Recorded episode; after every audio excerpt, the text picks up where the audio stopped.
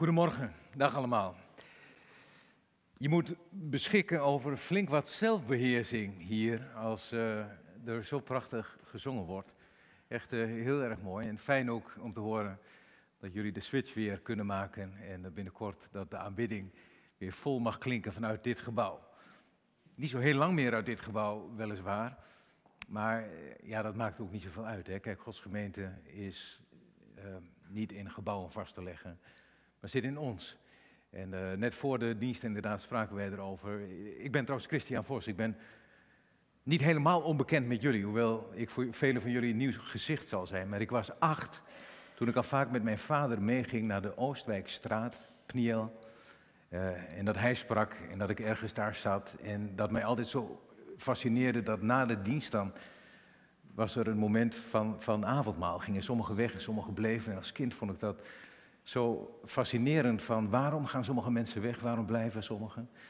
En uh, ik heb eigenlijk heel veel herinneringen aan die tijd en hele goede herinneringen. En later in mijn studententijd en misschien even daarna heb ik ook daar nog wel eens mogen spreken. Inmiddels zit ik een beetje op afstand, want wij zijn, uh, uh, mijn vrouw Tanja en ik, wij wonen in Duiven. En daar hebben we kerk voor nu. En dat is een hele seculiere streek. Eigenlijk niet te vergelijken met de streken waar we nu mogen zijn, waar heel veel mensen toch wel iets hebben of hadden met geloof. Bij ons is dat niet zo. Minder dan 1% van de mensen is uh, naar kerk gaand. Dat betekent dat we ploegen op rotsen.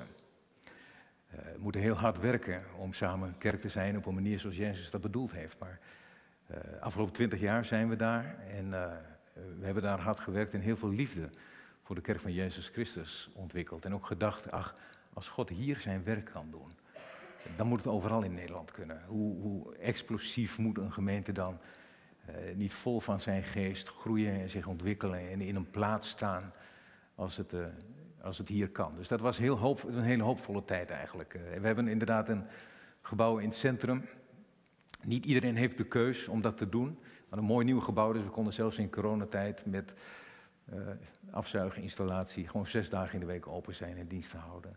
Op zondag. En ik weet niet, jullie hebben natuurlijk niet, niet per se de keus. Maar als je enigszins de mogelijkheid hebt om een plek voor God in het centrum van, uh, van Steenwijk, om, uh, om dat te genereren, dan breng daar offers voor met elkaar, zou ik zeggen. Nou, um, ik moet me een beetje inhouden, want ik ben hier voor het eerst. Ik moet niet te veel uh, tips aan jullie meegeven, maar dat wou ik toch even gezegd hebben. Um, ik vroeg kort geleden aan bijna 200 gelovigen om op te schrijven wat zij wilden bijdragen aan de eenheid van het lichaam van Jezus Christus na coronatijd. Want als er één ding is geweest natuurlijk, wat onder druk gelegen heeft, is het precies de essentie van wat de geest van God geeft. Dat hele verschillende mensen samen één zijn. En, en het belang van de kerk van Jezus Christus is dat we onze verschillen kunnen overbruggen. We hebben niet dezelfde muzieksmaak, we hebben niet dezelfde opvatting over corona. We hebben uh, uh, allemaal verschillende opleidingen, allemaal andere afkomsten. Maar die Heilige Geest maakt ons één. En die eenheid stond ontzettend onder druk natuurlijk, want probeer maar eens één te zijn achter een scherm. Dan moet je echt flink je, je, je best doen met elkaar, vond ik. En, en, en vandaar dat ik de vraag stelde aan gelovigen na corona. Wat is jouw bijdrage aan de eenheid in het lichaam van Christus? Ik heb mensen erop laten schrijven op een hartje. En die hartjes heb ik op een kruis, uh, je kunt het daar een, klein beetje zien, op een kruis laten zetten. En bijna de helft van alle antwoorden, wat mensen wilden bijdragen aan de eenheid in het lichaam van Christus, was liefde. Later dacht ik, ja, dat is misschien ook wel een beetje logisch, omdat ik hartjes gaf om het op te schrijven. Um, maar er stonden toch hele mooie dingen op, als ik, wil leren liefhebben zoals Jezus. Um, wat mij ook opviel, was hoe vaak liefde gecombineerd werd met ik wil minder veroordelingsgezind zijn. Ik wil minder oordelen. Mensen schreven dingen op als ik zou eigenlijk anders naar mensen willen kijken dan dat ik vaak doe. Ik zou eigenlijk minder snel een negatieve mening willen hebben. Ik wil niet veroordelen. Nou, dat is een opvallende. En het is natuurlijk niet voor niks dat na het afgelopen jaar mensen juist het stuk van mening en oordeel onder de loep willen nemen, omdat ja, alle beslissingen die we met elkaar namen, daar vonden we natuurlijk iets van. Ook beslissingen die in de kerk plaatsvonden. Uh, als raad van onze kerk zeiden we van wat we ook kiezen, is altijd een derde is ervoor, een derde gaat mee en een derde zegt dat is geen goed idee. Maakt niet uit wat we kozen, dat, dat, dat was nu eenmaal zo. En als je dat op de spits drijft, wat natuurlijk in sommige kerken misschien wel gebeurd is, wat gelukkig in kerk voor nu niet plaatsvond. Um, maar dan kun je zo met elkaar verliezen. En dan staat die eenheid onder druk. Dus ik was heel erg blij met gelovigen die zeiden: Ik wil aan de eenheid van het lichaam van Christus mijn liefde toevoegen. En ik wil mijn beoordelingsvermogen niet negatief laten zijn. Eh, ik wil dat die bijdraagt aan het goede. Nou, ik wil met jullie heel graag een gedeelte lezen uit Marcus. En in uh, Marcus 2, daar staat dit. Het is het begin van het openbare leven van Jezus op aarde. En Marcus die schrijft dan. Toen Jezus enkele dagen later terugkwam in Capernaum, werd bekend dat hij weer thuis was. Ik, ik lees trouwens de NBV-vertaling. Ik weet niet eigenlijk wat jullie gewend zijn. Lezen jullie die meestal? Van alles en nog wat? Als het maar de Bijbel is. Er stroomden zoveel mensen toe. Nog. Ja. Er stroomden zoveel mensen toe dat er zelfs voor de deur geen plaats meer was en hij verkondigde hun de heilsboodschap. Er werd ook een verlamde bij hem gebracht, die door vier mensen gedragen werd en omdat ze zich niet door de menigte konden wringen, haalden ze een stuk van het dak weg boven de plaats waar Jezus zat. En toen ze een opening hadden gemaakt, lieten ze de verlamde op zijn draagbed naar beneden zakken. En bij het zien van hun geloof zei Jezus tegen de verlamde: Vriend, uw zonden worden u vergeven. Er staat ook een paar schriftgeleerden tussen de mensen. En die dachten bij zichzelf: Hoe durft hij dat te zeggen? Hij slaat Gods lastelijke taal uit. Alleen God kan immers zonde vergeven. Jezus had meteen door wat zij dachten. En dus zei hij: Waarom denkt u zoiets? Wat is gemakkelijker? Tegen een verlamde zeggen: Uw zonden worden u vergeven. Of sta op, pak uw bed op en loop. Ik zal u laten zien dat de mensen zo'n volmacht heeft op aarde zonde te vergeven. En toen zei hij tegen de verlamde: Ik zeg u, sta op, pak uw bed op en ga naar huis.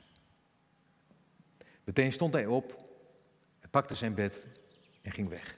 En alle die dit zagen stonden versteld en loofden God. Zoiets hebben we nog nooit gezien, zeiden ze.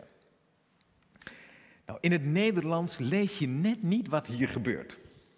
Um, het klinkt of de mensen zich verbazen over het wonder. Zoiets dat een verlamde zijn bed oppakt en gaat lopen, hebben we nog nooit gezien. Maar het Grieks zegt dit. Udepote hotes eidomen, hutos eidomen. En dat is nog nooit zo hebben wij gezien.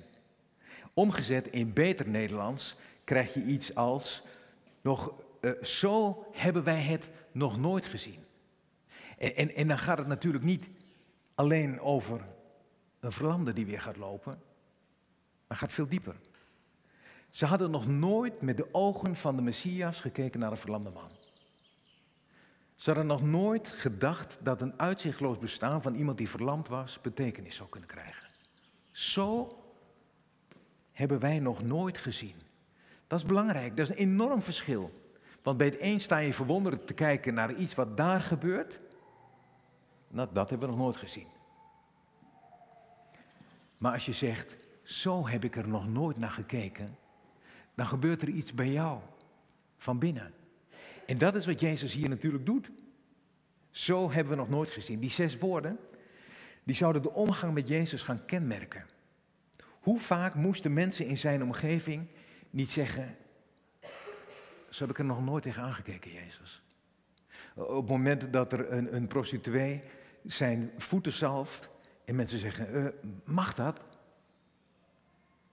En dat Jezus zegt, is echte liefde. Zij heeft echte liefde betoond. Naast alle namaakliefde heeft ze echte liefde betoond. En dan moesten de discipelen zeggen, oh ja, ja, zo hadden we er nog nooit tegenaan gekeken. En, en op het moment dat het Sabbat is en, en ze lopen langs een veld, nemen daar wat aren af en iedereen zegt, mag dat op de Sabbat? Zegt Jezus, ja maar wacht, God heeft de Sabbat voor de mens geschapen. De mens niet voor de Sabbat. En, en in, in, in zijn woorden klonk liefde door. Hè? De liefde van God voor mensen vond ik mooi in dat Vaderdag-epistel uh, van vanmorgen. En wat een ontzettend contrast dus. Want, want de eerste reactie van mensen op wat Jezus doet, is zo ontzettend vaak negatief. Mensen moeten ergens doorheen. Die eerste blik is zo vaak negatief. Dat zie je natuurlijk in dit gedeelte wat we lazen van Marcus 2, eh, idem. Het eerste wat je leest is niet de verwondering van mensen, maar is dat de fariseeën, de schriftgeleerden zeggen, um, kan die dat zomaar doen? Kan hij dat zomaar zeggen?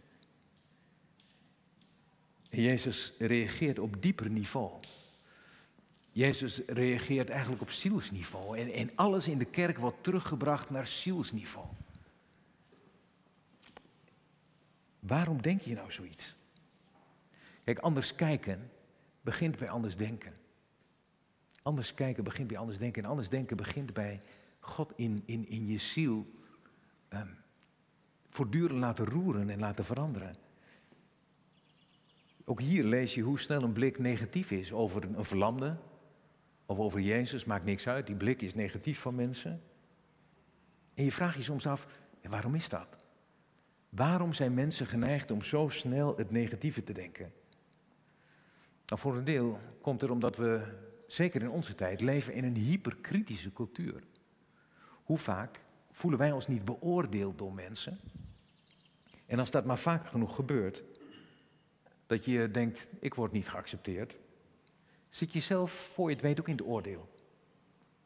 En ik realiseer me steeds als ik dicht bij Jezus blijf en als ik de woorden lees die Hij onderwijst, dan denk ik, ik wil daar tegen vechten. Ik wil dat niet laten gebeuren. Ik, ik wil dat, dat mijn blik bijdraagt aan het koninkrijk van Jezus Christus. Nou, wat ik heel opvallend vind is, als de Heilige Geest het werk van Jezus voortzet, dan ontlokt het werk van de Heilige Geest voortdurend diezelfde uitspraak aan discipelen. Zo hadden we er eigenlijk nog nooit naar gekeken. Dat geldt voor hun kijk op bezit. 3000 mensen komen tot geloof en ze delen alles. Er staat zo heel mooi um, dat die eerste gelovigen geen enkel bezit als persoonlijk eigendom beschouwden. Maar ze hadden alles gemeenschappelijk. Dat is zo anders dan de maatschappij, zo anders dan ik er tegenaan kijk.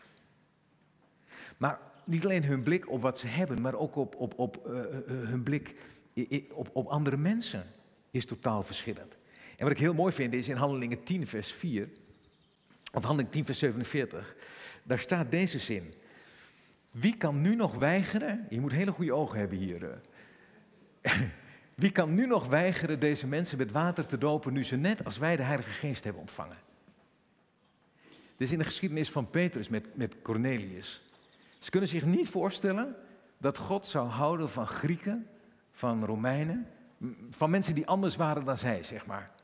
En de Heilige Geest moet eraan te pas komen en die, die, die valt over die mensen heen en ineens kijken de klassieke gelovigen en die zeggen, hé hey, wacht, God maakt blijkbaar geen onderscheid. Als God valt op deze mensen met zijn geest, ja dan moeten wij misschien ook anders naar ze gaan kijken. Ze hadden zich nooit voor kunnen stellen dat God hield van mensen waar zij op neerkeken. Dus de Heilige Geest zet dat anders kijken met de ogen van Jezus door. En, Paulus die onderwijst veel over de Heilige Geest. In Romeinen 8 zegt hij heel mooi uh, wat de Geest doet. Maar drie hoofdstukken daarvoor staat één zin. En uh, die wil ik eruit lichten met jullie. Dat is Romeinen 5 vers 5. Daar staat, maar de liefde van God is in onze harten uitgestort door de Heilige Geest die ons gegeven is. Dat is mooi. De liefde van God in onze harten door de Heilige Geest. Kijk, als je maar enigszins met andere ogen wilt kijken naar de mensen om je heen, als je maar enigszins wilt dat je kunt putten uit een bron van liefde, dan begint het bij openstellen, ruimte maken voor de Heilige Geest. Wij denken heel vaak aan de Heilige Geest en zeggen, ah ja, zou ik maar iets heel bijzonders kunnen door de Heilige Geest? Kon ik maar eventjes in tongen spreken of in klanktaal? Kon ik maar profiteren? Kon ik maar wonderen doen, genezen? En dan weet ik zeker dat de Heilige Geest er is. Maar het eerste wat de Heilige Geest doet, is hij stort de liefde van God uit in onze harten. Dat grote verhaal van God heeft liefde als basis. Ik zal met jullie lezen in welke context dit stond. Het staat in een context van, van liefde hoor. Romeinen 5, vers 1. Wij zijn als rechtvaardigen aangenomen. Op grond van ons geloof en leven in vrede met God door ons Heer Jezus Christus. Dankzij Hem hebben we door het geloof toegang gekregen tot Gods genade, die ons fundament is. En in de hoop te mogen delen in Zijn luister, prijzen wij ons gelukkig. Dat niet alleen. Wij prijzen ons zelfs gelukkig onder alle ellende, omdat we weten dat ellende tot volharding leidt. Volharding tot betrouwbaarheid. Betrouwbaarheid leidt tot hoop. En die hoop zal niet worden beschaamd, omdat Gods liefde in ons hart is uitgegoten door de Heilige Geest die ons gegeven is. Dit gedeelte maakt duidelijk hoe God naar ons kijkt. In, het eerste zin, in die eerste zin staat zo heel mooi dat wij als rechtvaardigen zijn aangenomen op grond van wat Jezus voor ons heeft gedaan. Hoe kijkt God naar mij? Als je anders wilt leren kijken op basis van wat de Heilige Geest doet, begint het eigenlijk bij de vraag: hoe kijkt God naar ons? Hoe kijkt God naar mij? En dit gedeelte zegt: God kijkt naar jou, en dat is voor de meesten van ons geen verrassing, schoongewassen en rechtvaardig. Dus als God naar ons kijkt, dan, dan, dan kijkt hij door de bril van de liefde en hij ziet mij met andere ogen. Als hij naar mij kijkt, ziet hij niet mijn gebreken, mijn zonde. Maar als hij naar mij kijkt, ziet hij Jezus. Dat is prachtig. Niet eerst het oordeel. hoe kijk ik naar mijzelf? Heel veel gelovigen kunnen zich nog voorstellen hoe God naar hen kijkt, maar vinden het moeilijk om naar zichzelf te kijken vanuit het beeld dat God in de Bijbel wekt. Soms makkelijker om te accepteren dat God je aanneemt dan dat je jezelf ziet door Gods ogen. En hoeveel van ons blijven niet naar zichzelf kijken als zondig, als tekortschietend, met fouten, als ik maar anders. In mijn gebeden spreek ik heel vaak de woorden uit, Heer, zo had ik mijzelf nog nooit gezien, zoals u naar mij kijkt. Als ik de Bijbel lees en ik raak verwonderd over de woorden van liefde en genade en vergeving. Ik, Heer, ik, ik vind het soms moeilijker om zo naar mezelf te kijken dan dat ik lees hoe u naar mij kijkt. Nou, hoe kijk je naar jezelf? Het is bepalend in het derde. Hoe kijk je naar anderen? Die derde laat zich natuurlijk raden. Hoe kom je af van je negatieve oordeel naar anderen? Naar mensen die ver af zijn, soms dan, dan zit je in de auto en dan, dan, dan zie je iemand en heb je al een mening. Je kent die hele persoon niet. Soms zegt iemand iets en, en, en het, roept meteen antipathie op in je. Hoe kan het? Maar dat is nog op afstand. Maar wat voor de mensen die dichtst bij ons staan. Ik zal jullie vertellen, in, in het afgelopen jaar was natuurlijk pastoraat als voorganger wat moeilijker dan anders. Maar wat ik wel merkte is, naarmate we verder in het jaar kwamen van corona en afstand van elkaar en dat mensen elkaar meer zagen, waren er veel meer huwelijken die onder spanning stonden. En ik heb meer dan eens met vrouwen gesproken die iets zeiden in de trant van, ik ben met de verkeerde man getrouwd. opvallend genoeg hoorde ik dat vaker in het afgelopen jaar van vrouwen over hun man dan van mannen over hun vrouw. Ik weet niet waarom. Wat ik wel weet is dat mensen het moeilijk gevonden hebben, veel mensen, om te kijken naar degene die het dichtst bij hun was, hun man of kinderen of hun ouders, vanuit de ogen van de Heilige Geest. Als je Romeinen 5 leest, dan zit daar een hele bijzondere trap in. Onderweg hier naartoe zei ik nog tegen Tanja van, eh, de Bijbel heeft een aantal van die trapjes. Hè? En het is de moeite waard om die uit je hoofd te leren. Eh, Paulus zegt, wij prijzen ons gelukkig in moeite, in ellende. Want die ellende die werkt volharding uit. En volharding leidt tot betrouwbaarheid. En betrouwbaarheid tot hoop en, en dat leidt tot liefde. Dus die trap die eigenlijk begint bij ellende leidt tot liefde.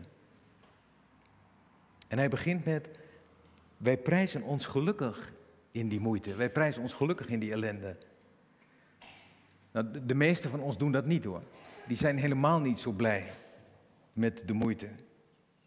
Om te kunnen zeggen, ik heb een moeilijk huwelijk, maar ik prijs mij gelukkig. Ja, dan moet je met andere ogen kunnen kijken. Dan moet je kunnen kijken zoals Jezus. Dan moet je niet zeggen, ik ben met de verkeerde man getrouwd. Of de verkeerde vrouw. Mijn vriend Kees is, is kunstenaar, beeldend kunstenaar. En uh, toen ik hem een paar weken geleden belde, vertelde hij me dat hij bezig was met een kunstwerk over het verloren zoon. En uh, wij spraken samen. hij kan altijd heel mooi vertellen over zijn geloof en heeft inzichten die mij iedere keer verrijken en, mij in mijn geloof naar Jezus dichter uh, bij God brengen. Um, en hij zei, als je kijkt naar de motieven van de jongste zoon om naar huis te gaan, dan waren die eigenlijk helemaal niet zo verheffend. Je zou hopen dat in die gelijkenis uiteindelijk die jongste zoon zegt: Ik heb fout gedaan, ik ben stom geweest, ik moet terug naar de vader. Want die vader die houdt van mij. Die is me altijd goed voor me geweest. Maar is niet zo. De reden waarom de jongste zoon terug wil naar de vader is omdat hij zegt: Ja, zelfs de dienstknechten bij mijn vader hebben het beter dan ik. Ik kan maar beter thuis zijn. Eigenlijk is dat super zelfzuchtig motief. Hoe veranderd is die jongen op het moment dat hij thuis komt?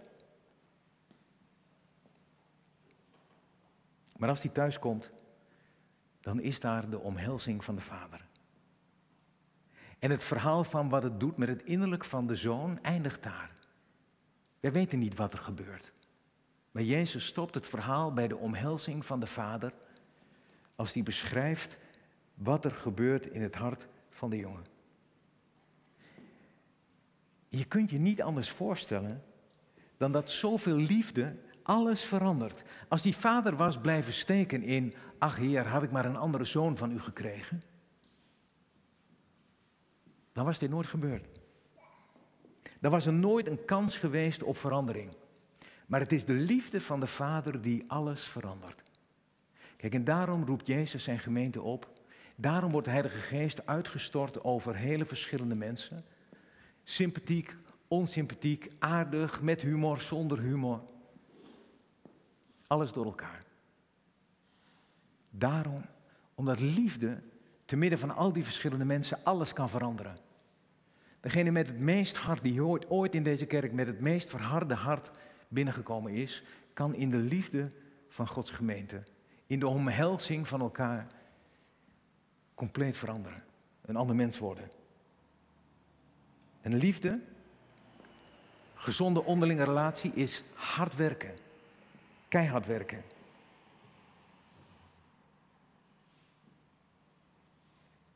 Maar het helpt als je het samen doet met de Heilige Geest.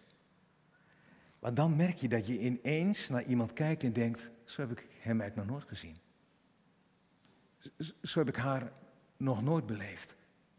Als je de Heilige Geest ruimte geeft in je leven, dan zul je gaan merken dat als vanzelf je blik op mensen, op anderen, op God veranderen zal. En soms wekt dat verwondering en denk je, oh wat mooi. En soms wekt het verontwaardiging, dat wil ik helemaal niet. Maar op het moment dat je, nou, eh, bijna dagelijks, dagelijks wil ik zeggen, dat je dagelijks denkt, zo heb ik het nog nooit gezien, weet je dat de Heilige Geest in je hart aan het werk is en je gedachten bepaalt. Een paar jaar geleden zei iemand in onze gemeente de woorden die ik meteen heb opgeschreven. Hij zei, die ochtend werd ik wakker en werd ik serieus over het werk van de Heilige Geest dat ik veel te lang op de plank had laten liggen. Nou, gemeente van Jezus Christus, sommigen van ons, hebben een jaar lang het werk van de Heilige Geest op de plank laten liggen. En vanmorgen ben je wakker geworden. En je bent hier, of je bent thuis. En in de gelegenheid om het werk van de Geest van de plank te halen. En de dingen te doen die God van ons vraagt. En dat serieus te nemen. Die geest helpt ons om te kijken zoals Jezus. Die geest helpt je om je eerste negatieve blik te overwinnen. En om te bedenken, oh Heer, zo heb ik het nooit gezien, maar ik wil nooit meer anders kijken. En als je lang niet meer zo'n moment gehad hebt, dan is er geen beter moment dan nu om de Heilige Geest ruimte te geven. Mag ik voor jullie bidden?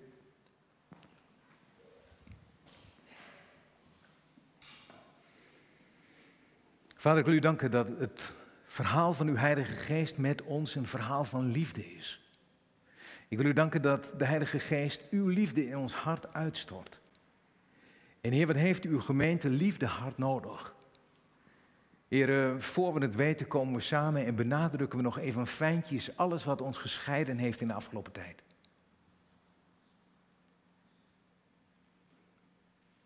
Maar dat willen we niet. Want dat wilt u niet. U hebt ons geroepen tot een eenheid. U hebt ons geroepen om de schouders aan elkaar te zetten. En, en, en hoe het afgelopen jaar ook was, hoe ehm, dapper sommigen waren, of hoe onverstandig sommigen waren, of hoe vooruitstrevend of juist veilig. Heer, al die verschillen, die bepalen ons niet.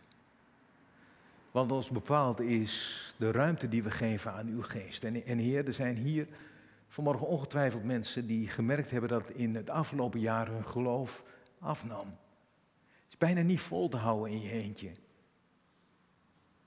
Want uw geest wekt in ons innerlijk. Uw geest wekt in de gemeenschap. Uw geest wekt het als uw kerk samenkomt. Heer, en daar stort u zichzelf soms uit over hele groepen mensen. En is er een hal als deze ineens vol van de dingen die van u zijn. Waar maken we dat mee in deze tijd, in deze maatschappij? Dat mensen minder op zichzelf dan op u gericht zijn. Waar maken we het mee in deze tijd dat we ruimte geven aan uw geest en zeggen: Kom en vul ons. er zijn altijd die kleine stemmetjes die ons daarvan afhouden, altijd redenen om de dingen niet te doen. Maar ik bid op dit moment, Heer, als die dingen uh, spelen en we houden u op afstand in onze gedachten, ontmasker dat. Neem dat weg. Heer, maak die gedachten krijgsgevangen voor uw Zoon, onze Heer Jezus Christus. Ik wil u danken voor deze gemeente. Ik wil u danken voor een trouw die ze aan de dag gelegd heeft, die generaties lang is gebleven. Wil u danken voor mensen die al op heel wat plekken kerk van u geweest zijn en binnen nu en een jaar waarschijnlijk weer op een andere plek zullen zitten en zich realiseren dat hun geschiedenis met u niet bepaald wordt door plaatsen, maar door liefde. En Heer, de liefde voor u, die kan alleen gestalte krijgen in uw gemeenschap. Vader, zegen deze gemeente. Houd haar vast.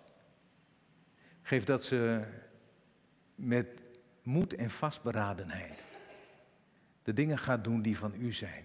De dingen blijft doen die van u zijn. Geef Heer dat als ze moeite en ellende ervaren, dat ze daarop antwoorden met volharding. Trouw. Zodat u de hoop, Heer, het uitzicht in hen wekt van eeuwig bij u zijn. Vader, zo stellen we ons onder uw zegen. Kom met uw geest, vorm ons, vul ons. Laat niets het weerhouden. Bid ik in de naam van Jezus Christus, onze Heer. Amen.